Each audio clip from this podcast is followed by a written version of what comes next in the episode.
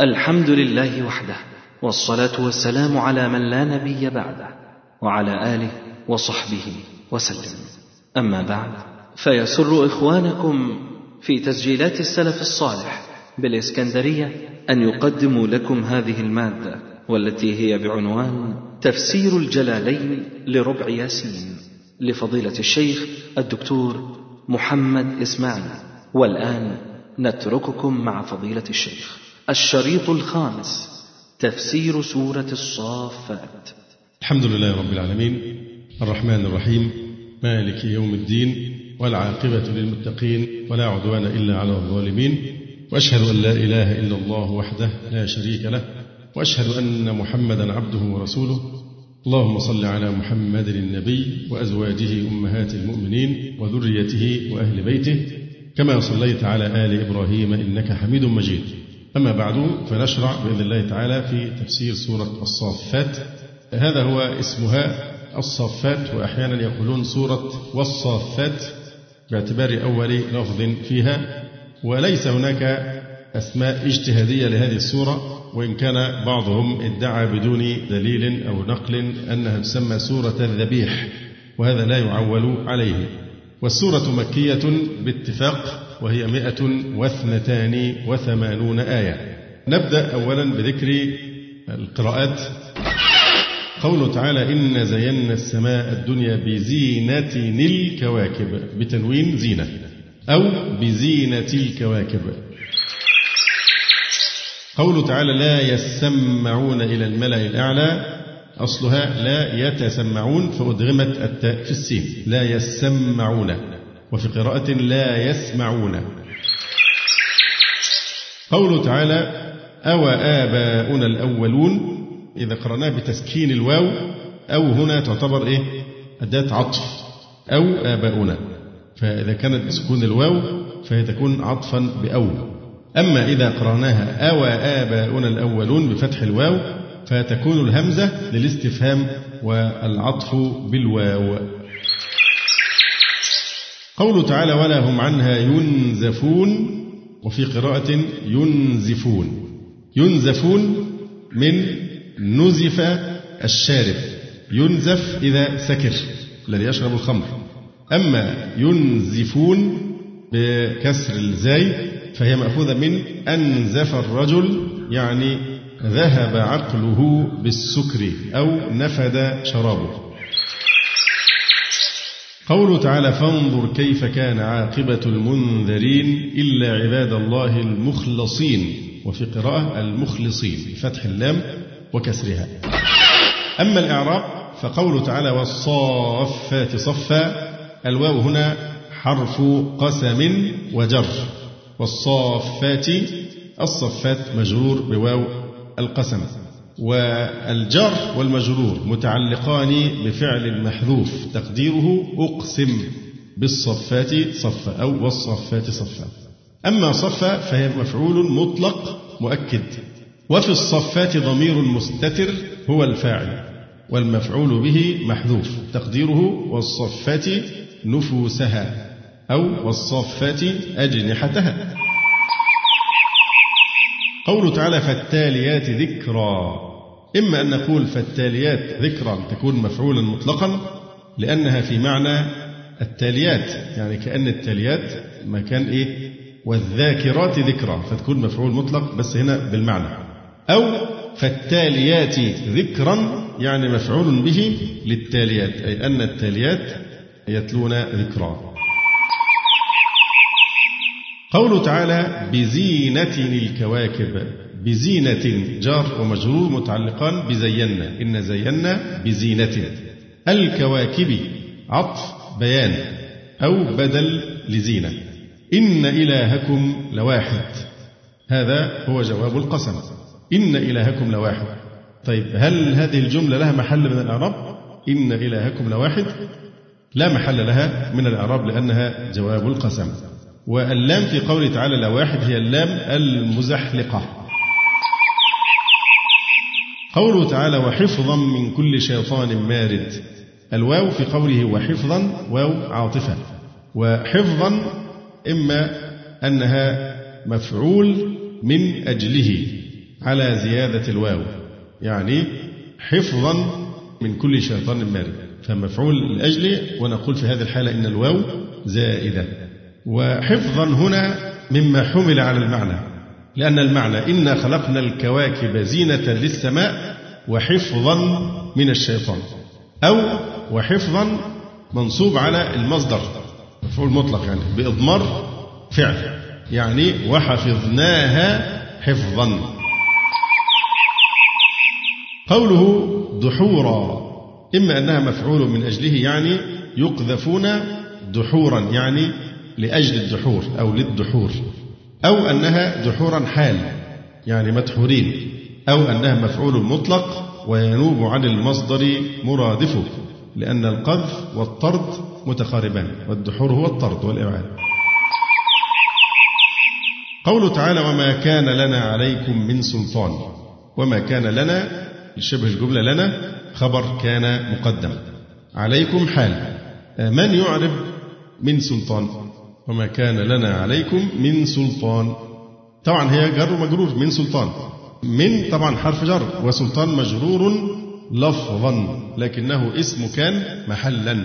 يعني وما كان لنا عليكم سلطان لكن الجر هو الذي إيه؟ جعلها مجرورة لفظا طبعا.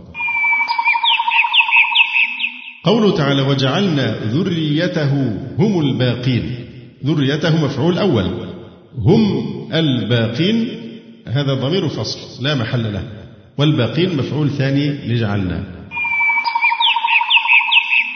قوله تعالى وما تجزون إلا ما كنتم تعملون إلا عباد الله المخلصين.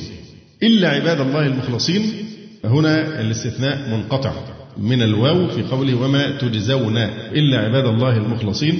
لأن إلا هنا تعني إيه؟ لكن لكن عباد الله المخلصين.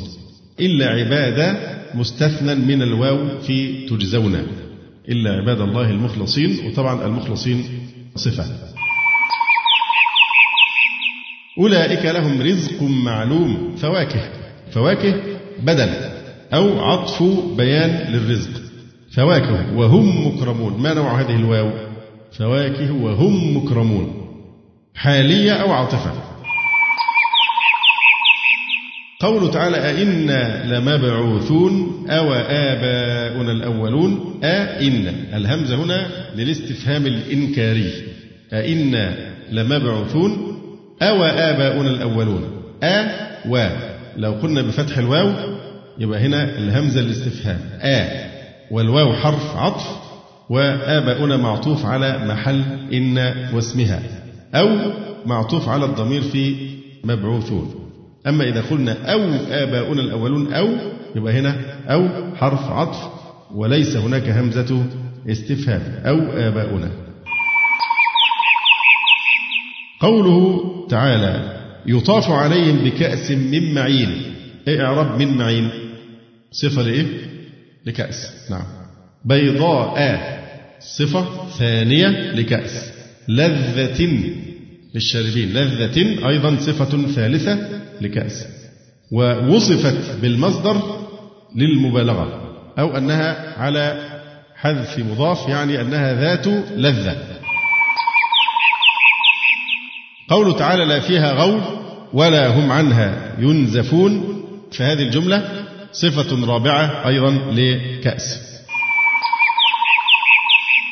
قوله تعالى ولولا نعمة ربي لكنت من المحضرين. لذة للشاربين. قلنا إنها صفة ثالثة ووصفت بالمصدر للمبالغة أو على حذف مضاف يعني ذات لذة أو لذة مؤنث لذ للشاربين. لا فيها غول ولا هم عنها ينزفون. هذه الجملة أيضا صفة رابعة لكأس. قوله تعالى ولولا نعمة ربي لكنت من المحضرين الواو عاطفة لولا حرف امتناع لوجود ولولا نعمة ربي يبقى نعمة مبتدأ ربي مضاف إليه. لكنت من المحضرين اللام في جواب لولا. طيب إذا كان ولولا نعمة ربي لكنت من المحضرين أين جواب نعمته إحنا قلنا نعمته مبتدأ ولولا نعمة ربي لكنت من المحضرين. قلنا إن لولا حرف امتناع لوجود وقلنا إن نعمة مبتدأ. فأين الخبر؟ كمل بقى أنت بتتكلم كلام صح. كمل. أحسنت. طبعا هنا المبتدأ نعمة مبتدأ وخبره محذوف وجوبا تقديره موجودة. أما البلاغة في هذا النصف الأول من السورة الكريمة فقوله تعالى إن إلهكم لواحد. قوله إن إلهكم لواحد. هنا تأكيد بإن وباللام لواحد. والسبب هو إنكار المخاطبين للوحدانية. فكثر التوكيد. قوله تعالى لا يسمعون إلى الملأ الأعلى. هذه الجملة منقطعة عما قبلها في الإعراب كما سنبين في التفسير. قول هنا إن زينا السماء الدنيا بزينة الكواكب وحفظا من كل شيطان مارد لا يسمعون إلى الملأ الأعلى. حذاري أن تقول إن لا يسمعون إلى الملأ الأعلى. صفة للشيطان. ولا أيضا يجوز أن تقول إنها جواب لسائل. لما حفظت من كل شيطان مارد فيكون الجواب لا يسمعون إلى الملأ الأعلى. لا. فجملة لا يسمعون إلى الملأ الأعلى منقطعة عما قبلها في الإعراب. ويقذفون من كل جانب أيضا في قوله تبارك وتعالى لا يسمعون إلى الملأ الأعلى. ما الفرق بين قولك سمعت فلانا يتحدث أو سمعت حديثه وبين قولك سمعت إليه يتحدث أو سمعت إلى حديثه؟ المعدى بنفسه يفيد الإدراك. سمعت فلانا يتحدث أو سمعت حديثه. ما فيش حرف جر. ما فيش تعدية بإلى فهذا يفيد إيه فقط يفيد الإدراك. لكن إذا قلت سمعت إليه يتحدث أو سمعت إلى حديثه فالمعدى بإلى يفيد الإصغاء مع الإدراك.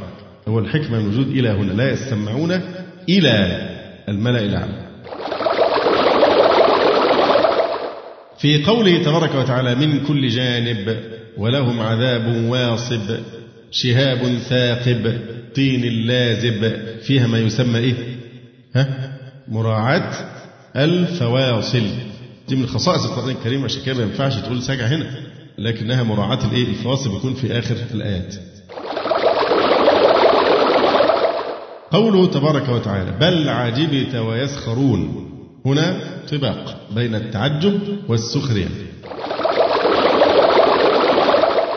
قوله تعالى إنهم كانوا إذا قيل لهم لا إله إلا الله يستكبرون. هنا إيجاز بالحذف. طب إيه اللي محذوف هنا؟ إذا قيل لهم إيه؟ قولوا لا إله إلا الله. ما هيستكبروا عن إيه؟ عن أن يقولوها. إنهم كانوا إذا قيل لهم لا إله إلا الله هل كان مجرد يسمعوا كلمة لا إله إلا الله يستكبرون أم أنهم يستكبرون عن أن يشهدوا هذه الشهادة وأن يقولوها؟ فهنا إيجاز بالحذف. حذف لدلالة السياق عليه. طيب قوله تعالى إنهم شوف السياق على الغير إنهم كانوا إذا قيل لهم لا إله إلا الله يستكبرون. ويقولون إن لتاركوا آلهتنا لشاعر مجنون. ثم قال تعالى إنكم لذائق العذاب الأليم. ده في اسمه إيه بقى؟ التفات. التفت من الغيبة إلى الخطاب لمجابهتهم بالغضب. وبيان أن الغضب بلغ أقصى آماده وحدوده. أولئك لهم رزق معلوم فواكه وهم مكرمون. أولئك لهم رزق معلوم. كلمة معلوم فيها إيجاز. معلوم. معلوم إيه بقى؟ معلوم كل حاجة ممكن تتخيلها. يعني نابت كلمة معلوم عن الأوقات والمدد.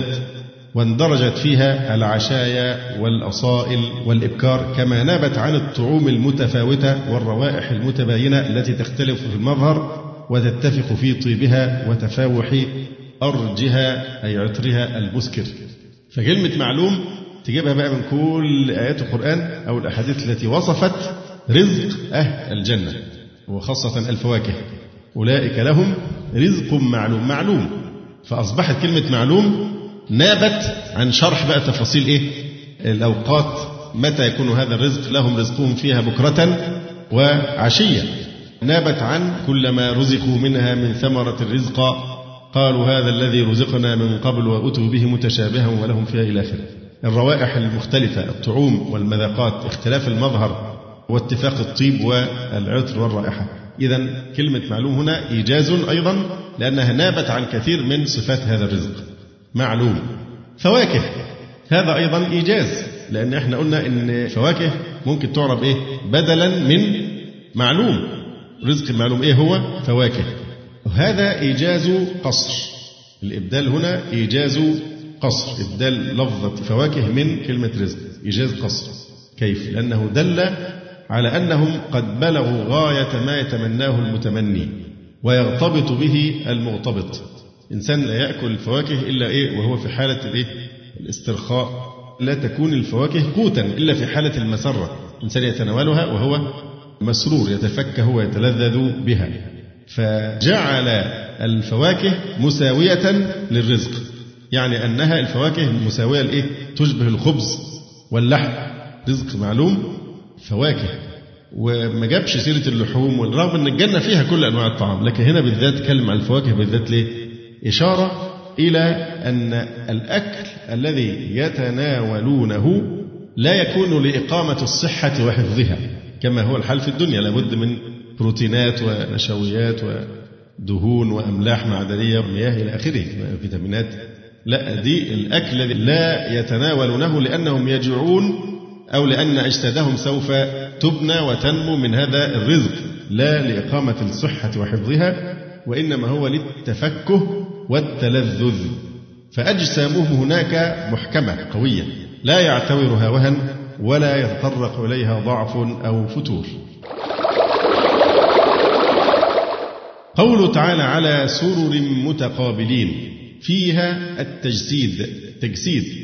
فليس هناك أشهى للشاربين في كل الأوقات من أن يتقابلوا كونهم يجلسون وجها لوجه يواجه بعضهم بعضا إخوانا على سرر متقابلين. فلا شك أن التقابل أتم للسرور وأدعى إلى الحضور. لو واحد مسافر في القطر مثلا التوربين ولا غيره لو هي مجموعة أصحاب أربعة مثلا فهل بيسيبوا كرسي ظهر الاثنين اللي قدام بأقفائهم ولا بيلفوا الكرسي عشان ده أدعى للإيه؟ للسرور عشان يواجهوا بعضهم بعض؟ فهذا هو تمام اللذة والسرور أن يكونوا إيه؟ متقابلين فهذا أدعى إلى الحضور وتمام السرور. قوله تعالى لا فيها غول ولا هم عنها ينزفون هذا إيجاز بليغ في وصف الخمر لأن هاتين الكلمتين لا فيها غول ولا هم عنها ينزفون جمعت هاتان الكلمتان جميع عيوب خمر أهل الدنيا. كل عيوب خمر الدنيا موجودة في هاتين الكلمتين التي حرمت بسببها من مغص أو صداع أو عربدة أو لغو أو تأثيم إلى آخره. قوله تعالى في الحور العين كأنهن بيض مكنون. هذا تشبيه مرسل مجمل. ليه؟ لماذا نقول عنه مجمل؟ مجمل لأنه حذف منه وجه الشبه. كأنهن بيض مكنون ولم يذكر إيه؟ ما هو وجه الشبه ما وجه تشبيه؟ الحور العين بالبيض المكنون. قوله تعالى كأنهن بيض مكنون. المراد هنا بيض النعام ومكنون من كننته إذا جعلته في كن مصون. والعرب تشبه المرأة ببيض النعام في لونه وهو بيض مشرب بعض صفرة. نسميه اليوم باللون الكافوري لأن لو الإنسان اللي ما فيش خالص صبغة الميلانين اللي هي بتدي لون البشرة الحسنة أحسن أنواع البشرة في الإنسان بتكون الصبغة أقل كلما زادت كل ما يكون الجلد داكنا. لكن لو في بياض بيعتبر مرضي مثل بياض الإيه؟ البهاق فده مرضي. أو ممكن بياض الإيه؟ اللي هو بيسموه الألبينو. الألبينو ده اللي هو الناس بتسميه عدو الشمس. ما يبقاش فيه الصبغة دي خالص. فيبقى برضه رغم البياض شديد جدا لكنه أيضا إيه؟ غير حميد. لكن أفضل ألوان البشرة هو هذا البيض الذي يشرب ببعض سفرة ما يسمى باللون الكافوري. وأول من شبه المرأة بالبيضة امرؤ القيس. من يحفظ الشاهد؟ أحسنت. بيضة ولا بيضة آه وبيضتي. لأن الواو واو إيه؟ واو ربة أحسنت. وبيضة خدر لا يرام خباؤها تمتعت من لهو بها غير معجلي. جاوزت أحراسا عليها وإيه؟ إلى آخره. وبيضة خدر لا يرام خباؤها. بيصف هذه المرأة بأنها إيه؟ بيضة خدر. فهو أول من عبر عن المرأة بالبيض شبهها ببيض الإيه؟ النعام. قلنا إن هذا التشبيه مرسل مجمل. لماذا مجمل؟ لأنه حذف منه وجه الشبه فصار مجملا. طيب ما هي أوجه تشبيه حور العين يعني بالبيض؟ أول وجه شبه التشبيه بالصحة والسلامة عن الطمث يعني الحيض هم مبرئات ومنزهات من هذا. ومنه قول الفرزدق خرجن إلي لم يطمثن قبلي وهن أصح من بيض النعام. فالمقصود لم يطمثن قبلي الصحة والسلامة والعافية من الطمث. الوجه الثاني تشبيه النساء بالبيض في الصيانة والستر لأن الطائر يصون بيضه ويحصنه. يضعه في إيه؟ في كن.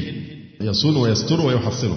فكذلك هؤلاء كأنهن بيض مكنون مستور ومحفوظ. وجه الشبه الثالث في تشبيه النساء بالبيض بيض النعام اللي هو في صفاء اللون ونقائه لأن البيض يكون صافي اللون نقيه إذا كان تحت الطائر. وهذا التشبيه تشبيه النساء بالبيض أو بيض النعام من التشبيهات التي رغب عنها المحدثون اليوم الكتاب في الأدب وهذه الأشياء رغبوا عن استعمال هذا النوع من التشبيه وإن كان هو بديعا في ذاته طبعا لماذا؟ لإيه؟ لتغير البيئة الأديب أو الشاعر دائما بيتأثر بالبيئة التي هو يعيش فيها فالبيئة لم تعد تستسيغ تلك التشبيهات لأن ذلك لا نجدها على لسان أهل العصر من أهل الأدب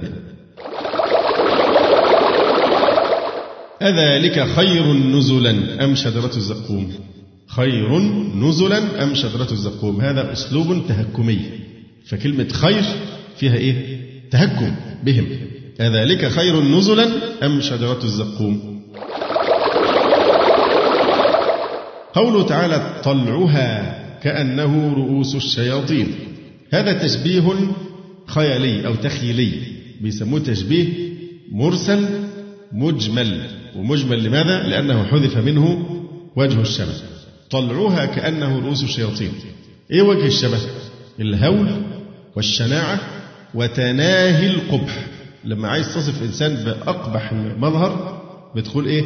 شكله كأنه شيطان أو ده شيطان الهول وشناعة وشدة قبح منظره وتناهي قبح منظره هنا قولان في هذه الآية طلعها كأنه رؤوس الشياطين هناك تفسير حسي مادي قاله بعض المفسرين فقالوا إن شجرة الزقوم وهي أيضا شجرة الأستن أو الأستان توجد في اليمن لها صورة منكرة وثمرة قبيحة. يقال لها رؤوس الشياطين. والأستن والأستان أصول الشجر يغشو في منابته فإذا نظر إليه الناظر شبهه بشخوص الناس. إذا أو تفسير حسي مادي إن فعلا في شجرة اسمها إيه؟ شجرة الزقوم وثمرتها مرة وقبيحة وتسمى رؤوس الشياطين.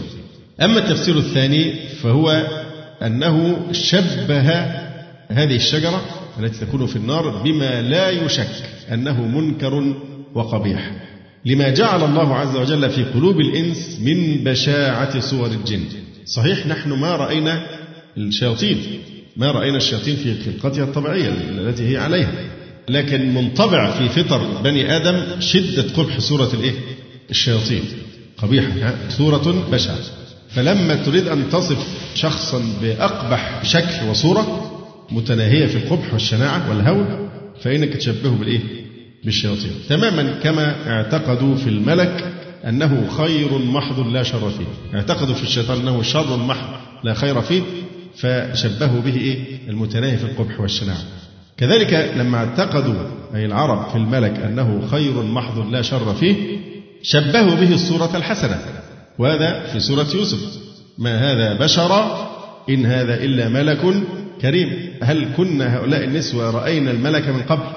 ما أحد رأى الملك على صورته سوى رسول الله صلى الله عليه وآله وسلم. قلنا النسوة ما هذا بشرا؟ إن هذا إلا ملك كريم. لمن طبع في نفوسهن من أن الملك خير محض لا شر فيه. ففي إجماع المسلمين والعرب على ضرب المثل بقبح الشيطان دليل على أنه في الحقيقة أقبح من كل قبيح. ثم الغموض الذي في التشبيه كأنه رؤوس الشياطين هذا التشبيه فيه غموض يضفي عليها مزيدا من التخويف طلعها كأنه رؤوس الشياطين. دايما القرآن الكريم يشبه بالحيوان لغلبة صفة ما في هذا النوع. يعني كل حيوان بتغلب عليه صفة معينة.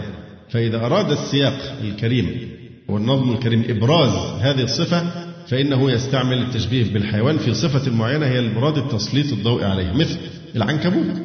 في صفة إيه؟ وهن البيت وضعفه وإن أوهن البيوت لبيت العنكبوت. الحمار كمثل الحمار يحمل أسفار مثلا في الجهل والغفلة وقلة المعرفة وغلظ الطبيعة. القرد في القبح والتشويه ونذالة النفس. لما خرج أبو عبيدة إلى الفضل بن الربيع سنة ثمان وثمانين ومائة وسأله كاتبه أي كاتب الفضل عن قول الله عز وجل طلعها كأنه رؤوس الشياطين قال أي السائل وإنما يقع الوعد والإيعاد بما عرف مثله وهذا مما لم يعرف يعني هنا الآية في سياق الإيه؟ الوعيد والتهديد بهذا العذاب. طلعها كأنه رؤوس الشياطين. طيب الوعد والإيعاد يقع بما عرف مثله بشيء نحن رأيناه ونخاف منه. بما عرف مثله وهذا مما لم يعرف لأننا ما رأينا الشياطين وما رأينا رؤوس الشياطين. فقال أبو عبيدة إنما كلم الله تعالى العرب على قدر كلامهم. أما سمعت قول امرئ القيس أيقتلني والمشرفي مضاجعي ومسنونة زرق كأنياب أغوالي يعني كيف يقتلني والمشرفي اللي هو الإيه؟ السيف. مضاجعي. أنا جاهز ودافع عن نفسي في أي وقت. كيف يقتلني؟ أيقتلني والمشرفي مضاجعي. ومسنونة زرق يمكن يقصد هنا الرماح. كأنياب أغوالي بيشبه الرماح دي المسنونة ذات السن الحد المدبب. كأنياب إيه؟ أغوالي جمع غول وهم لم يروا الغول قط. لكن استعمل إيه؟ لما كان أمر الغول يهولهم ويخيفهم أوعدوا به. ولذلك قال أيقتلني والمشرفي مضاجعي ومسنونة زرق كأنياب أغوالي أنياب أغوال سوف تنهش لحمه يقول أبو عبيدة وهم لم يروا الغول قط ولكنهم لما كان أمر الغول يهولهم أوعدوا به. يقول أبو عبيدة بعدما قال هذا الجواب فاستحسن الفضل ذلك واستحسنه السائل. وعزمت في ذلك اليوم أن أضع كتابا في القرآن في مثل هذا وأشباهه وما يحتاج إليه من علمه فلما رجعت إلى البصرة عملت كتاب الذي سميته المجاز قوله تعالى ثم إن لهم عليها لشوبا من حميم ثم إن مرجعهم لإلى الجحيم ثم إن لهم عليها يعني بعد ما يأكلوا بعد الطعام بيبقى مطلوب الإيه؟ الشراب كي يسيغوا به هذا الطعام فإنهم لآكلون منها فمالئون منها البطون ثم إن لهم عليها لشوبا من حميم ثم إن مرجعهم لإلى الجحيم. ما سر العطف بثم؟ ثم إن لهم عليها لشوبا من حميم. هي ثم تفيد الإيه؟ التراخي. طيب إيه معنى التراخي هنا؟ في قوله تعالى ثم إن لهم عليها لشوبا من حميم. هنا وجهان. الأول أنهم يملؤون بطونهم من شجر الزقوم فإنهم لآكلون منها. مش بس آكلون فمالئون منها البطون. وشجر الزقوم والعياذ بالله حار يحرق بطونه إذا دخل يحرق بطونه طبعا الإحراق هيزيد في الإيه؟ في العطش والغلة. الصدى أو العطش الشديد يزداد. كلما أكلوا أكثر كلما يعطشون أكثر. فكونهم يظلون يأكلون وهم يزدادون عطشا بعد عطش كلما أكلوا حتى يمتلئوا تمام فإنهم لآكلون منها فمالئون منها البطون. فبالتالي يزداد عطشهم وغلتهم فلا يسقون إلا بعد ملي بعد ملي البطون. تعذيبا بذلك العطش. يبقى هنا في التعذيب بالإيه؟ بالعطش الذي يتسبب عن أكل شجر الزقوم. ثم يسقون ما هو أحر من العطش. يعني العطش هيكون نسبيا أخف من إيه؟ من الشراب الذي سوف يشربونه. لشدة العطش أعاذنا الله وإياكم من ذلك. ثم يسقون فده السر في كلمة ثم. ثم يعني إيه؟ ده بقى ده خفيف بالنسبة للي جاي بقى يعني العطش ده خفيف بالنسبة للإيه؟ للشراب. ثم يسقون ما هو أحر من العطش وهو الشراب المشوب بالحميم. مشوب بالحميم الماء الذي انتهى غليانه. إذا هذا أحد الوجهين في معنى التراخي الذي تفيده ثم ثم إن لهم عليها على الوجبة اللي أكلوها دي لشوبا خليط من إيه؟ من حميم. الوجه الآخر أنه ذكر الطعام بتلك الكراهة والبشاعة سواء من منظره أو رائحته أو ثمرته أو حره ثم ذكر الشراب بما هو أوغل في الكراهة وأبعد في البشاعة فجاء بثم للدلالة على تراخي حال الشرب عن حال الطعام ومباينة صفته لصفته في الزيادة عليه. ومعنى الثاني أنه يذهب بهم عن مقارهم ومنازلهم في الجحيم. بمعنى إيه بقى؟ ثم إن لهم عليها لشوبا من حميم يعني معناها أن هم بيحصل عملية انتقال من مقر تعذيب لمقر تعذيب من نوع آخر. ودي اللي بتشير إليها آية سورة الإيه؟ الرحمن يطوفون بينها وبين حميم آن رايحين جايين. يطوفون بينها وبين حميم آن.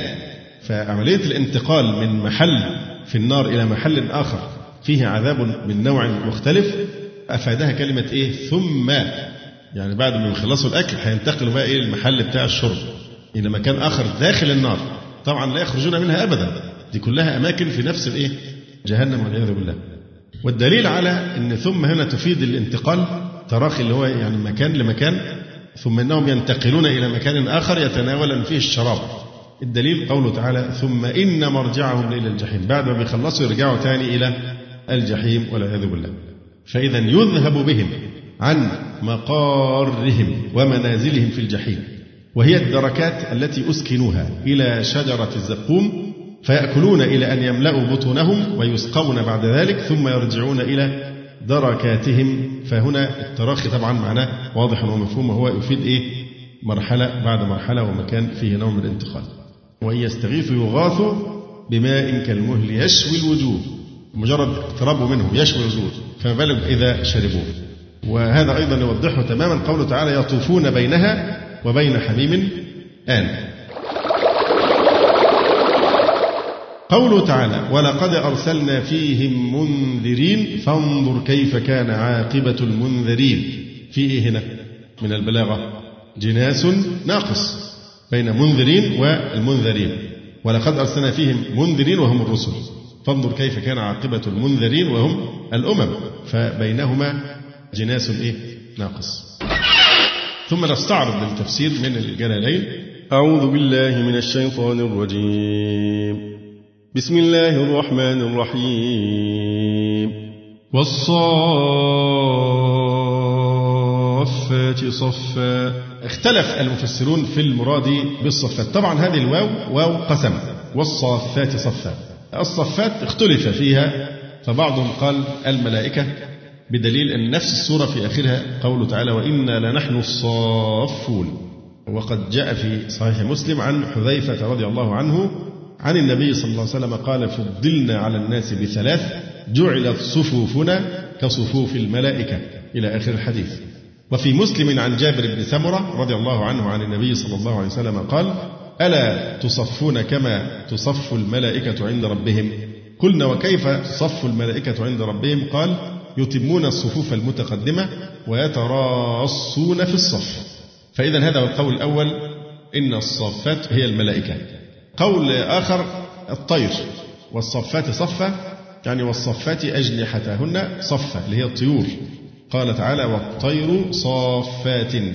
كل قد علم صلاته وتسبح وقال تعالى أولم يروا إلى الطير فوقهم صافات ويقبضن قول الثالث إنهم جماعات المسلمين في الصلاة بالمساجد أو جماعات المسلمين في صفوف الجهاد. إن الله يحب الذين يقاتلون في سبيله صفا كأنهم بنيان مرصوص. لفظ الصافات يحتمل ذلك كله وإن كان أحق من دخل فيه وأولى الملائكة. فإن الإقسام كالدليل والآية على صحة ما أقسم عليه من التوحيد. لأن المقسم عليه إيه؟ إن إلهكم لواحد وما ذكر من غير الملائكة فهو من آثار الملائكة وبواسطتها كان. لذلك المحلي هنا اعتمد هذا القول بأن الصفات صفا الملائكة تصف نفوسها في العبادة أو أجنحتها في الهواء تنتظر ما تؤمر به. من الله سبحانه وتعالى. طبعا هنا قسم وحلف. الله سبحانه وتعالى يحلف بما شاء من مخلوقته عز وجل لحكمة عظيمة. أما النهي عن الحلف بغير الله فهو نهي للمخلوق عن ذلك. المخلوق هو الذي يحرم عليه أن يحلف بغير الله. والصافات صفا أي الملائكة تصف نفوسها في العبادة كصفوف المسلمين في الصلاة في الدنيا أو تصف أجنحتها في الهواء تنتظر ما تؤمر به لتنفذه. فالزاجرات زجرا. الفاء هنا للعطف. والزجر هو الدفع بقوة الصوت. فالزاجرات زجرا أي الملائكة تزجر السحاب أي تسوقه فالتاليات ذكرا. أي جماعة قراء القرآن تتلوه ذكرا. مصدر من معنى التاليات. يعني كأنه بيعربها إيه بقى؟ هذا ما قال مصدر من معنى التاليات يبقى بيعرب ذكرا إيه؟ مفعول مطلق. لأن نظر إلى معنى التاليات التاليات معناها الذاكرات فجاب المصدر منها إيه؟ ذكرى. أو إعراب تاني ذكرا تكون مفعول به للتاليات. فالتاليات ذكرى. والأولى أيضا أن تكون التاليات ذكرا هي الملائكة أيضا. إن إلهكم لواحد. إن إلهكم يا أهل مكة وغيرها لواحد. رب السماوات والأرض وما بينهما ورب المشارق. يعني وإيه؟ والمغارب. رب المشارق والمغارب. فحذفت لدلالة السياق عليها. زي إيه؟ سرابيل تقيكم الحرة يعني وإيه؟ والبرد. يبقى ورب المشارق يعني في التفسير نزيد ونقول والمغارب للشمس. مشارق والمغارب للشمس. لها كل يوم مشرق ومغرب. إنا زينا السماء الدنيا بزينة الكواكب أي بضوئها أو بها المبينة بالكواكب. وحفظا من كل شيطان مارد. وحفظا منصوب بفعل مقدر أي حفظناها بالشهب حفظا.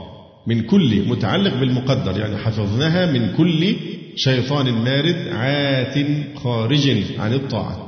لا يسمعون إلى الملأ الأعلى ويقذفون من كل جانب.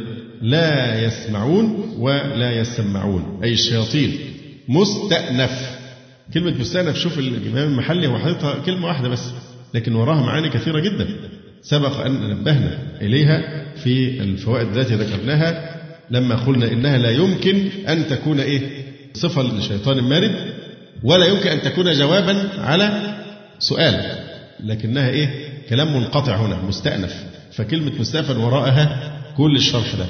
فانظروا إلى دقة اختيار الكلمات عند الإمامين الجليلين الجلالين رحمهم الله تعالى. لا يسمعون أو لا يسمعون. مستأنف وسماعهم هو في المعنى المحفوظ عنه أي وحفظناها من سماع كل شيطان. لا يسمعون إلى الملأ الأعلى أي الملائكة في السماء. طبعا حفظ السماء وحراسة السماء كانت موجودة من قبل قبل بعثة النبي صلى الله عليه وسلم. ولكن لما بعث صلى الله عليه وسلم حرست السماء حراسة شديدة وكثيرة بحيث إنها صارت من معجزات النبي صلى الله عليه وسلم ومن إرهاصات نبوته صلى الله عليه وسلم. وأنا لمسنا السماء فوجدناها ملئت حرسا شديدا وشهبا. وأن كنا من قبل كنا نقعد منها مقاعد للسمع فمن يستمع الآن يجد له شهابا رصدا. إلى الملأ الأعلى الملائكة في السماء. وعدي السماع بإلى لتضمنه معنى الإصغاء. وفي قراءة بتجديد الميم والسين أصله يتسمعون أدغمت التاء في السين. ويقذفون من كل جانب يقذفون أي الشياطين يقذفون بالشهب من كل جانب من آفاق السماء. دحورا ولهم عذاب واصب. دحورا مصدر دحره أي طرده وأبعده. فدحور المصدر دحره كما قلنا طرده وأبعد دحورا ولهم في الآخرة عذاب واصب أي دائم. وصب الشيء يصب وصوبا يعني دام ومنه قوله تعالى وله الدين واصبا يعني دائما. وقال تعالى هنا ولهم عذاب واصب أي دائم.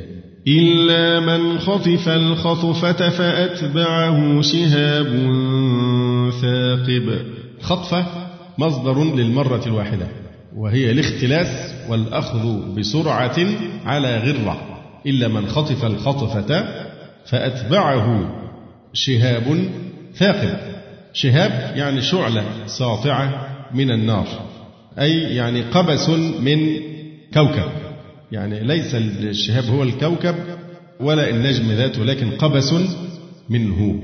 ثاقب فأتبعه شهاب ثاقب يثقبه أو يحرقه أو يخبله يعني يفسد عقله أو أعضاءه. فاستفتهم أهم أشد خلقا أم من خلقنا؟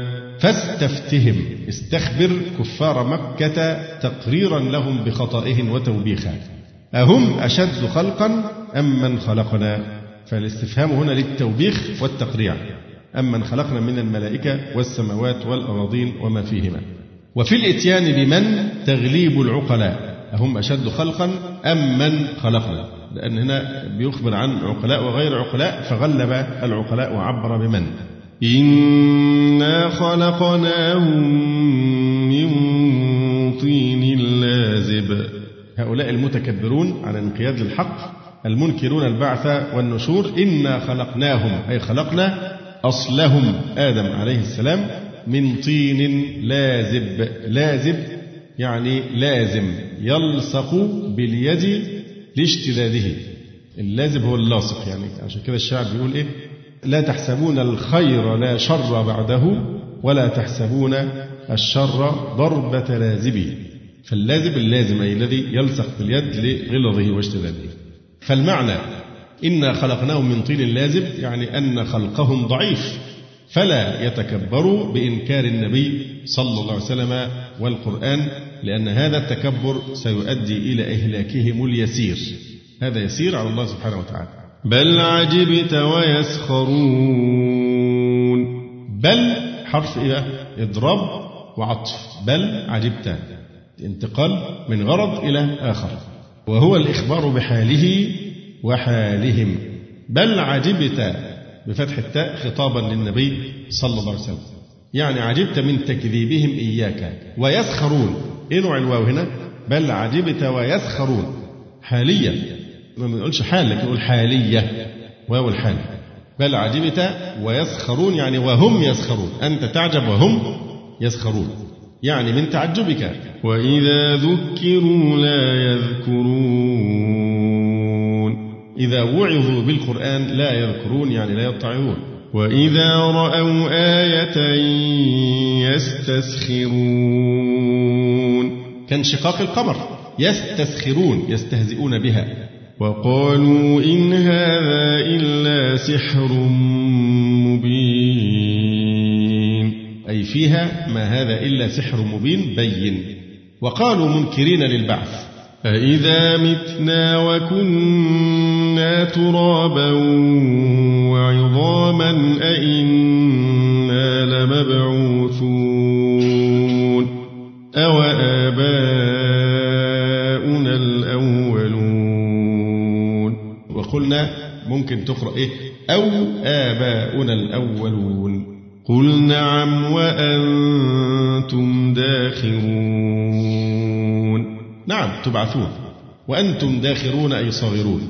فإنما هي زجرة واحدة فإذا هم ينظرون.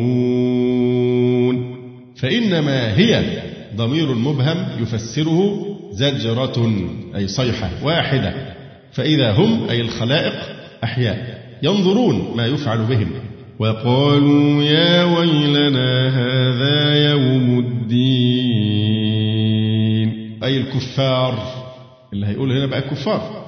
يا للتنبيه ويلنا يعني يا هلاكنا. وهو مصدر لا فعل له من لفظه. وتقول لهم حينئذ الملائكة هذا يوم الفصل الذي كنتم به تكذبون. أي يوم الحساب والجزاء. هذا يوم الفصل يعني بين الخلائق. هذا يوم الفصل الذي كنتم به تكذبون. ويقال للملائكة واحشروا الذين ظلموا وأزواجهم وما كانوا يعبدون.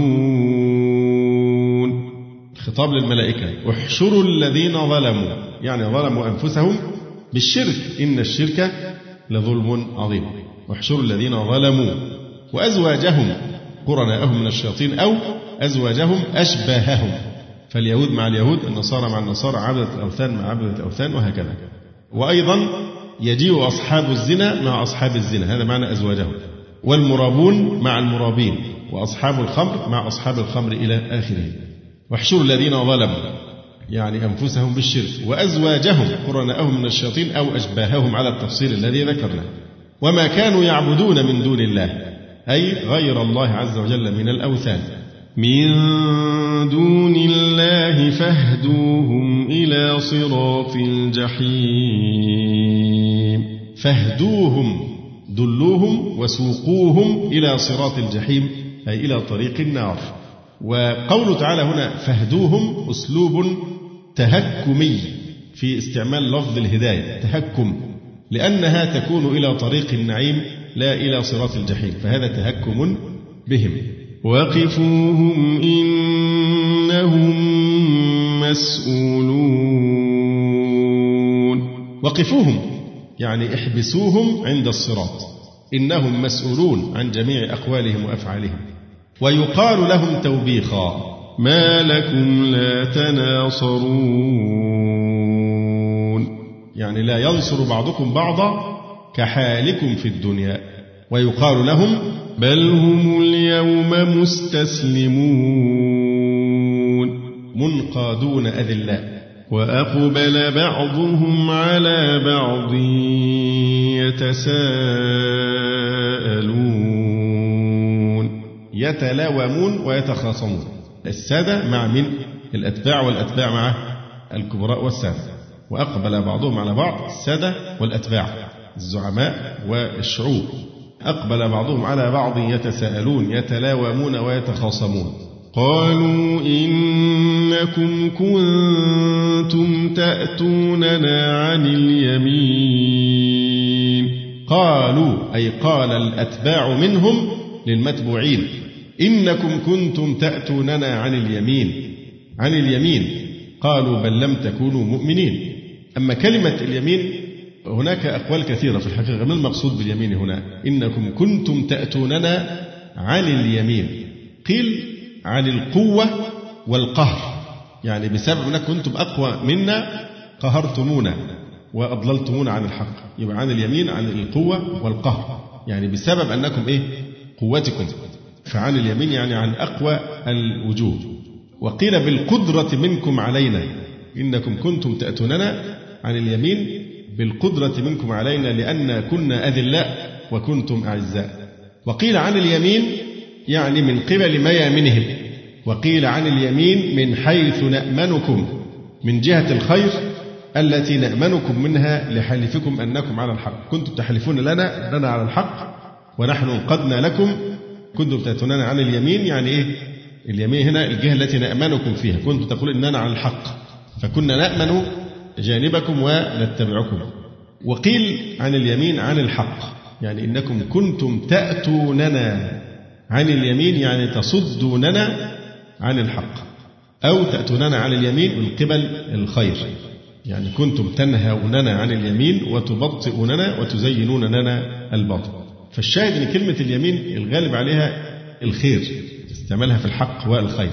كنتم تأتوننا عن اليمين تأتوننا لتصدونا عن الحق وعن الخير كنتم تنهوننا عن الحق وعن الخير وتبطئوننا وتزينون لنا الباطل. قال الحسن إي والله يأتيه عند كل خير يريده فيصده عنه. كنتم تأتوننا عن اليمين يعني تحولون بيننا وبين الخير. في عصرنا هذا طرح مصطلح اليمين واليسار في الأحزاب والقوى السياسية إلى آخره. وأصبح اليسار عند البعض علامة على الرغبة في التقدم والتخلص من عراقيل الماضي. يساري وأصبح من أكبر الشتائم أن تقول لإنسان أنت يميني. واتفق اليساريون على أن يعتبروا المتدينين جميعا يمينيين. أي متدين؟ فهنحطوه في من في اليمين. وأصبح كثير من الناس يفرون من التدين خوفا من أن يتهموا بأنهم يمينيون رجعيون. طبعا هذا اصطلاح ناشئ في رحم غير إسلامي اصطلاح السياسة الغربية ويستعمله عندنا الببغاوات بصورة عمياء وبتقليد أعمى فما ينبغي الالتفات إلى ذلك لأن كما ترى اليمين دائما يعبر في الإسلام عن الإيه؟ عن الحق والخير ونحو ذلك. وإن كان بعض المعاصرين الشيخ سعيد حواء رحمه الله تعالى ادعى في تفسير هذه الآية بعدما أشار إلى المعنى الذي ذكرناه آنفا قال يحتمل قال أنا لا أقطع لكن يحتمل أن يكون المقصود إنكم كنتم تأتوننا عن اليمين كنتم تأتوننا عن طريق مهاجمة اليمين لتصرفونا عن الإسلام. فيكون هذا إعجازا وأعتقد هذا بعيد يعني أن يكون القرآن بيقصد من ساعة ما نزل إنكم كنتم تأتوننا عن اليمين عن الإيه؟ يعني كنتم تأتوننا عن طريق مهاجمة اليمين اللي هو الإسلام والتدين. طبعا هذا بعيد والله تعالى أعلم. يقول المحلي رحمه الله تعالى قالوا أي قال الأتباع منهم للمتبوعين إنكم كنتم تأتوننا عن اليمين عن الجهة التي كنا نأمنكم منها لحلفكم أنكم على الحق فصدقناكم واتبعناكم المعنى أنكم أضللتمونا. قالوا بل لم تكونوا مؤمنين أي المتبوعون لهم بل لم تكونوا مؤمنين. وإنما يصدق الإضلال منا. بيقولون يعني إيه أضللناكم؟ يعني إيه كنا نأتيكم عن يمين ونضلكم عن الحق؟ بل لم تكونوا مؤمنين. ده الإضلال ده معناه أن كنتوا الأول مؤمنين وبعدين إحنا سببنا لكم في الضلال. ده أنتوا أصلا إيه؟ كنتوا ضالين. مش محتاجين إن إحنا نضلكم يعني. قالوا بل لم تكونوا مؤمنين. وإنما يصدق الإضلال منا أن لو كنتم مؤمنين فرجعتم عن الإيمان إلينا. وما كان لنا عليكم سلطان بل كنتم قوما طاغين. وما كان لنا عليكم من سلطان من قوة وقدرة نقهركم على متابعتنا. بل كنتم قوما طاغين ضالين مثلنا. فحق علينا قول ربنا إنا لذائقون فحق علينا يعني وجب علينا جميعا السادة والأتباع. فحق علينا قول ربنا بالعذاب يعني قوله تعالى لأملأن جهنم من الجنة والناس أجمعين إنا لذائقون إن جميعا لذائقون العذاب بذلك القول. ونشأ عنه قولهم فأغويناكم. ثم علله بقولهم إنا كنا غاوين فحق علينا قول ربنا إنا لذائقون فأغويناكم إنا كنا غاوين فإنهم يومئذ في العذاب مشتركون قال تعالى فإنهم يومئذ أي يوم القيامة في العذاب مشتركون لاشتراكهم في الغواية. إنا كذلك نفعل بالمجرمين. كما نفعل بهؤلاء نفعل بالمجرمين غير هؤلاء أي نعذبهم؟ التابع منهم والمتبوع. إنهم كانوا إذا قيل لهم لا إله إلا الله يستكبرون. إنهم أي هؤلاء بقرينة ما بعده كانوا إذا قيل لهم لا إله إلا الله يعني قولوا لا إله إلا الله يستكبرون ولا يؤمنون. ويقولون أئنا لتاركوا آلهتنا لشاعر مجنون. أي لأجل قول محمد صلى الله عليه وسلم قال تعالى مدافعا عن نبيه صلى الله عليه وسلم بل جاء بالحق وصدق المرسلين. الجائين به ما هو الحق الذي جاء به؟ النبي عليه الصلاة والسلام وصدق في المرسلين هو لا إله إلا الله والإيمان. إنكم لذائق العذاب الأليم. إنكم هنا كما ذكرنا التفات. إنكم لذائق العذاب الأليم. وما تجزون إلا ما كنتم تعملون. يعني إلا جزاء ما كنتم تعملون. إلا عباد الله المخلصين. أي المؤمنين استثناء منقطع من الواو في تجزون. فقد ذكر جزاؤهم في قوله أولئك لهم رزق معلوم. رزق معلوم معلوم بكرة وعشية. فواكه وهم مكرمون. فواكه بدل أو بيان للرزق وهو ما يؤكل تلذذا لا لحفظ الصحة لأن أهل الجنة مستغنون عن حفظها بخلق أجسامهم للأبد وهم مكرمون بثواب الله سبحانه وتعالى. في جنات النعيم. على سرر متقابلين. يعني لا يرى بعضهم قفا بعض. يطاف عليهم بكأس من معين. أي يطاف على كل منهم بكأس من معين. كأس هو الإناء بشرابه. الكأس يطلق على الإناء والشراب الذي فيه. وكلمة كأس مؤنثة بدليل ضميرها وصفتها لأن السياق إيه؟ بكأس بيضاء ما قالش أبيض لذة للشاربين لا فيها غول ولا هم عنها ينزفون. فكل الضمائر والصفات تدل على أنها مؤنثة. والكأس هو الزجاجة فيها الخمر. يبقى الكأس هو الزجاجة فيها الخمر. وتسمى الخمر نفسها كأسا. قال الأعشى وكأس شربت على لذة وأخرى تداويت منها بها لكي يعلم الناس أني امرؤ أتيت المعيشة من بابها. وكأس هذه واو رب يعني ورب كأس.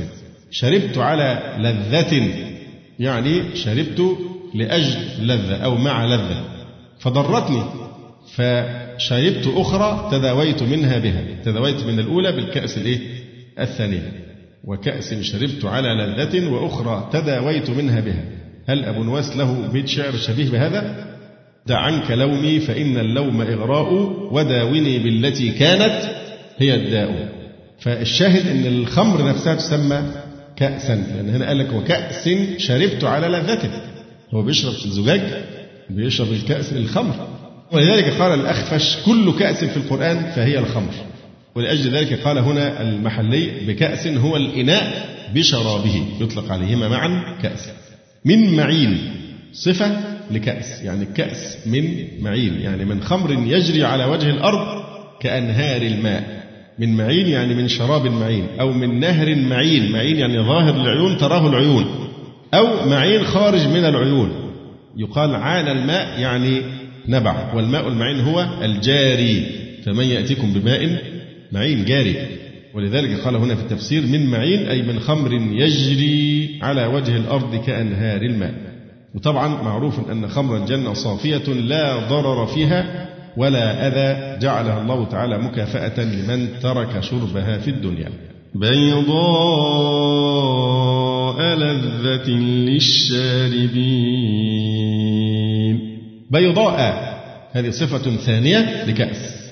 بيضاء يعني أشد بياضا من اللبن لذة لذيذة للشاربين بخلاف خمر الدنيا فإنها كريهة عند الشرب. لا فيها غول ولا هم عنها ينزفون.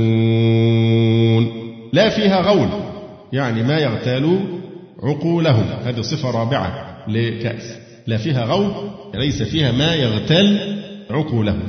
يقال الغضب غول الحلم. يغتاله يقال غالته الخمر شربها فذهبت بعقله أو ذهبت بصحة بدنه. لا فيها غول ما يغتال عقولهم ولا هم عنها ينزفون. بفتح الزاي وكسرها. ينزفون وينزفون. ينزفون من نزف الشارب. ينزف إذا سكر. أما ينزفون فهي من أنزف الرجل أي ذهب عقله بالسكر أو نفد شرابه. يعني لا يسكرون بخلاف خمر الدنيا ففيها كل ذلك. بالنسبة لكلمة ولهم عنها ينزفون كما قلنا نزف الشارب إذا ذهب عقله ويقال للسكران نزيف ومنزوف ويقال للمطعون المجروح نزف فمات. يعني إذا خرج دمه كله نزف. خرج دمه إيه؟ كله. كذلك نزيف العقل بقى بالنسبة اللي بيشرب الخمر إن عقله كله بيذهب بسبب الخمر. هناك مثل بنضطر نذكر أمثال هذه الأمثال علشان تتنساش. بعد كده بتفتكروا المعاني جيدا يعني. في مثل يقوله العرب إذا أرادوا وصف رجل بالمبالغة في الجبن يعني جبان إلى أقصى مدى يقولون له إيه؟ أجبن من المنزوف ضرطا بالضاد والراء والطاء. واختلف في سبب ذلك المثال المنزوف معروف ان الشخص إذا جرح بينزف حتى يخرج دمه كله. اللي بيشرب الخمر بينزف يعني بيشرب حتى يذهب عقله كله. طيب إيه بقى اجبن من المنزوف ضرطا؟ قالوا في سبب هذا المثل أنه خرج رجلان في فلاة في صحراء فلاحت لهما شجرة. فقال أحدهما أرى قوما قد رصدونا. يظهر شاف الخيال بعيد قال إيه؟ ده حد شافنا وهيجوا بقى يقتلونا. أو أرى قوما قد رصدونا. فقال الآخر إنما هي عشرة. فظنه يقول عشرة إن دول عشر أفراد. فجعل يقول وما غناء اثنين عن عشرة؟ اثنين هيقدروا على عشرة؟ لا هنقدر ندافع عن نفسنا. فمن شدة الجب يقول هنا وما غناء اثنين عن عشرة؟ وظل يضرط حتى مات. فمن ثم استعمال هذا الإيه؟ أجبن من المنزوف ضرطا. يروى من وجه آخر أن نسوة لم يكن لهن رجل. فزوجت إحداهن رجلا كان ينام الصبح. ينام بقى فترة الصبح دي كلها. فإذا أتينه بصبوح يجي الصبح بقى يجيبوا له للصبوح اللبن بقى بتاع الصباح ليشربه. فإذا أتينه بصبوح ونبهنه قال لو نبهتنني لعادية أنتوا بتصحوني عليه عشان أشرب كوب لبن. لو في مصيبة كبيرة في عدو رهيب جاي في هذه الحالة صحوني تكون في كارثة عشان أقوم وأنا لها. لكن بتصحوني وتحرميني من نوم الصباح من أجل لبن روي أن نسوة لم يكن لهن رجل فزوجت إحداهن رجلا كان ينام الصبح فإذا أتيناه بصبوح ونبهنه قال لو نبهتنني لعادية على إيه بتصحوني؟ يعني فلما رأينا ذلك قلنا إن صاحبنا لشجاع تعالينا حتى نجربه. فأتيناه فأيقظناه فقال كعادته يعني إيه؟ لو نبهتنني لعادية. فقلنا هذه نواصي الخير. العدو حضر والخيول جت تهجم علينا. هذه نواصي الخير فجعل يقول الخير الخير ويضرط حتى مات. فمن ثم يعني ضرب هذا المثل أجبن من المنزوف ضرطا. قوله تعالى وعندهم قاصرات الطرف عين. قاصرات الطرف حابسات الأعين على أزواجهن. لا ينظرن إلى غيرهم لحسنهم عندهن. من شدة جمال يعني أزواجهن. عين جمع إيه؟ عيناء. وهن نجل الأعين. نجل جمع نجلاء. والنجلاء هي الإيه؟ التي اتسع شقها سعة غير مفرطة. يعني العين الواسعة لكن بدون مبالغة. فهنا نلاحظ أن الحور العين وصفنا بصفتين. الجمال والعفة. الجمال في قوله تعالى عين ضخام الأعين حسانها. العفة وعندهم قاصرات الطرف. يعني لا تمتد أعينهن إلى غير أزواجهن لعفتهن. كأنهن بيض مكنون. كأنهن أي في اللون بيض للنعام مكنون مستور بريشه لا يصل إليه غبار ولونه وهو البياض في صفرة أحسن ألوان النساء. وأقبل بعضهم على بعض يتساءلون. أي بعض أهل الجنة على بعض يتساءلون عما مر بهم في الدنيا يسترجعون ذكرياتهم وأحداث الدنيا. فأقبل بعضهم أي بعض أهل الجنة على بعض يتساءلون عما مر بهم في الدنيا. قال قائل منهم إني كان لي قرين هي قرين لها معاني عدة لكن المقصود هنا أحد المعاني فقط وهو إيه؟ الصاحب. إني كان لي قرين الصاحب. ينكر البعث. إن كان لي قرين أي صاحب ينكر البعث. يقول أئنك لمن المصدقين. يقول لي تبكيتا وتقريعا وتعنيفا. أئنك لمن المصدقين. بالبعث. أنت تصدق هذا الكلام البعث والنشور أإذا متنا وكنا ترابا وعظاما أئنا لمدينون يعني لمجزيون ومحاسبون أنكر ذلك أيضا كما أنكر البعث أنكر أولا البعث ثم أنكر الإيه؟ الحساب والجزاء بالتبع يقول إذا متنا وكنا ترابا وعظاما أئنا لمدينون أي مجزيون ومحاسبون قال ذلك القائل لإخوانه. التفت المؤمن بقى لإيه؟ لأهل الجنة الذين هم معه. قال ذلك القائل لإخوانه. قال هل أنتم مطلعون؟ ما تيجي نطلع عليه ونشوفه بقى في النار حاله إيه؟ وهذا يدل على أن أهل الجنة يستطيعون وهم في نعيمهم أن يطلعوا على أهل النار وهم يعذبون. وهذا من تمام مسرتهم ولذتهم. قال هل أنتم مطلعون؟ أي قال ذلك القائل لإخوانه. هل أنتم مطلعون معي إلى النار لننظر حاله؟ فيقولون لا. يظهر مش عايزين يطلعوا عليه. فاطلع فرآه في سواء الجحيم. فاطلع أي ذلك القائل من بعض كوى الجنة. طبعا في مثل هذا العصر بالذات الأمور قربت إلى أذهاننا جدا والله قادر على كل شيء. يعني ممكن الشخص اللي صعد القبر كان يرى هنا بالإيه؟ بالشاشات التلفزيونية وهذه الأشياء. فقدرة الله عز وجل أعظم بدون آلة. فالآية تثبت أن أهل الجنة يستطيعون أن يروا أهل النار وهم يعذبون. فاطلع. هو ليه الجلال المحلي قال فيقولون لا؟ لأنه ما قالش إيه فاطلعوا. لكن هو قال لهم هل أنتم مطلعون؟ فهو بقى عشان اللي اطلع واحد قال فيقولون لا. قدر هو كلمة إيه؟ فيقولون له لا. مش عايزين نطلع فاطلع أي هو ذلك القائل من بعض كوى أي فتحات في الجنة. فرآه أي رأى قرينه في سواء الجحيم أي في وسط النار. قال تالله إن كدت لتردين. شماتة تالله إن كدت إن مخففة من الثقيلة. إن كدت قاربت لتردين. لتهلكني بإغوائك كنت حت إيه؟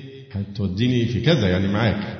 تالله إن كدت لتردين قاربت لتردين لتهلكني بإغوائك ولولا نعمة ربي لكنت من المحضرين. لولا إنعامه علي في الدنيا بالإيمان لكنت من المحضرين معك في النار. ويقول أهل الجنة أفما نحن بميتين؟ إلا موتتنا الأولى وما نحن بمعذبين. أي التي في الدنيا وما نحن بمعذبين هو استفهام تلذذ وتحدث بنعمة الله تعالى من تأبيد الحياة في الجنة وعدم التعذيب. أو هو خطاب منهم لأهل النار على سبيل التذكير بقولهم هذا في الدنيا. عندما كانوا ينكرون البعث والعذاب أي ها أنتم متم وبعثتم وأنتم الآن تعذبون. أفما نحن بميتين فاكرين لما كنتوا بتقولوا أفما نحن بميتين إلا موتتنا الأولى وما نحن بمعذبين ها أنتم الآن قد متم وبعثتم والآن أنتم تعذبون. إن هذا لهو الفوز العظيم. أي إن هذا الذي ذكر لأهل الجنة. لهو الفوز العظيم. لمثل هذا فليعمل العاملون. قيل يقال لهم ذلك وقيل هم يقولون. لمثل هذا فليعمل العاملون. يعني إما يقال لأهل الجنة في ذلك الوقت إن هذا لهو الفوز العظيم يعني ما أنتم فيه لمثل هذا فليعمل العاملون أو هم يقولونه. طبعا إن هذا لهو الفوز العظيم ده هو ده المقول. إما يقال لهم أو هم يقولونه. لكن هل كلمة لمثل هذا فليعمل العاملون هي من مقول القول. ليه؟ لأن الدنيا دار عمل والآخرة دار جزاء ليس فيها عمل. فمش ممكن تكون كلمة لمثل هذا فليعمل العاملون المقصود تقال لهم وهم في الجنة. أذلك خير نزلا أم شجرة الزقوم. أذلك المذكور لهم خير نزلا النزل هو ما يعد للنازل من ضيف وغيره ما يهيأ للضيف من الإكرام والطعام ونحو ذلك. أذلك خير نزلا أم شجرة الزقوم المعدة لأهل النار؟ وهي من أخبث الشجر المر بتهامة ينبتها الله في الجحيم. إنا جعلناها فتنة للظالمين. إنا جعلناها بذلك فتنة للظالمين أي الكافرين من أهل مكة. إذ قالوا النار تحرق الشجر فكيف تنبته؟ إنها شجرة تخرج في أصل الجحيم أي في قعر جهنم وأغصانها ترتفع إلى دركاتها. طلعها كأنه رؤوس الشياطين.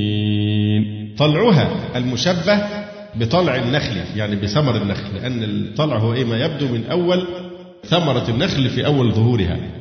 طلعها كأنه رؤوس الشياطين الحيات القبيحة المنظر أو أن هذا التشبيه تبشيع لها وتكريه لذكرها لأنه قد استقر في النفوس أن الشياطين قبيحة المنظر. فإنهم لآكلون منها فمالئون منها البطون. فإنهم أي الكفار لآكلون منها مع قبحها. مع قبحها فإنهم لآكلون منها مع قبحها لشدة جوعهم فمالئون منها البطون وبالتالي فيعطشون عطشا شديدا فيطلبون ماء فيسقون الحميم كما قال تعالى وسقوا ماء حميما فقطع أمعاءهم وهو المراد بقوله ثم إن لهم عليها لشوبا من حميم أي من ماء حار يشربونه فيختلط بالمأكول منها فيصير الحميم شوبا له يعني خليطا بالإيه؟ للزقوم طبعا هذا كله يدل على أن الجنة وما فيها من نعيم والنار وما فيها من عذاب هو حقيقي محسوس يتلذذ به المؤمن بجسده وحواسه وعذاب النار عذاب حقيقي محسوس وليس كما يزعم بعض الزنادقة القائلين إن النعيم والعذاب معنويان وإن الكافرين يعذبون بحجبهم عن الله والمؤمنين ينعمون بقربهم منه تعالى. وينكرون ما في الجنة من نعيم كالفواكه والأنهار والحور العين أن تكون أمورا حقيقية ويدعون أنها تعابير مجازية ويقولون الشيء ذاته عن العذاب. إن هؤلاء لا يؤمنون بالبعث جسدا وروحا بل ببعث الروح فقط فالذي يجب الإيمان به أن البعث يوم القيامة سيكون بالروح والجسد معا وأن النعيم والعذاب للروح والجسد معا. ثم إن مرجعهم لإلى الجحيم. يفيد أنهم يخرجون منها لشرب الحميم وأنه خارجها يعني الحميم خارج الإيه؟ الجحيم. يعلق القاضي قنعان هنا قوله يفيد أنهم يخرجون منها لشرب الحميم إلى آخره يوهم أنهم يخرجون من النار. وهذا غير مراد لأن الله تعالى قال وما هم بخارجين من النار فما قصده الجلال المحلي هو أن الجحيم والحميم هما في النار وأن الكافرين يؤخذ بهم من هذه إلى هذه. يؤيده قوله تعالى يطوفون بينها وبين حميم آن وذلك كله في النار. ولا يخفف عنهم أثناء نقلهم من عذابها من شيء بل هم في عذاب مستمر دائم لا نهاية له أعاذنا الله وإياكم منه. ثم إن مرجعهم إلى الجحيم. إنهم ألفوا آباءهم ضالين. إنهم ألفوا وجدوا آباءهم ضالين. فهم على آثارهم يهرعون. يزعجون إلى اتباعهم كأنه يحث بعضهم بعضا فيسرعون إليه. ولقد ضل قبلهم أكثر الأولين من الأمم الماضية. ولقد أرسلنا فيهم منذرين من الرسل مخوفين. فانظر كيف كان عاقبة المنذرين. فانظر كيف كان عاقبة المنذرين الكافرين أي عاقبتهم العذاب. إلا عباد الله المخلصين. أو المخلصين. إلا يعني لكن عباد الله استثناء منقطع. المخلصين والمخلصين قراءتان إذا قلنا المخلصين أي المؤمنين فإنهم نجوا من العذاب لإخلاصهم في العبادة. من الإخلاص في العبادة مخلصين. أو إلا عباد الله المخلصين لأن الله أخلصهم واختارهم لها. ولقد نادانا نوح فلنعم المجيبون. بقوله رب إني مغلوب فانتصر فلنعم المجيبون له. نحن. نحن هو المخصوص بالإيه؟ بالمدح.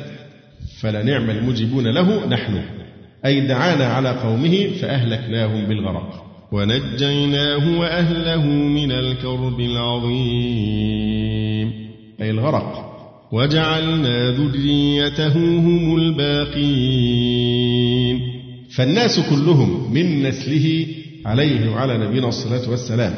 وكان له ثلاثة أولاد سام وهو أبو العرب وفارس والروم وحام وهو أبو السودان ويافث وهو أبو الترك والخزر أي التتار ويأجوج ومأجوج وما هنالك. وتركنا عليه في الآخرين. وتركنا عليه أبقينا عليه ثناء حسنا في الآخرين من الأنبياء والأمم إلى يوم القيامة. سلام على نوح في العالمين. سلام أي منا على نوح في العالمين.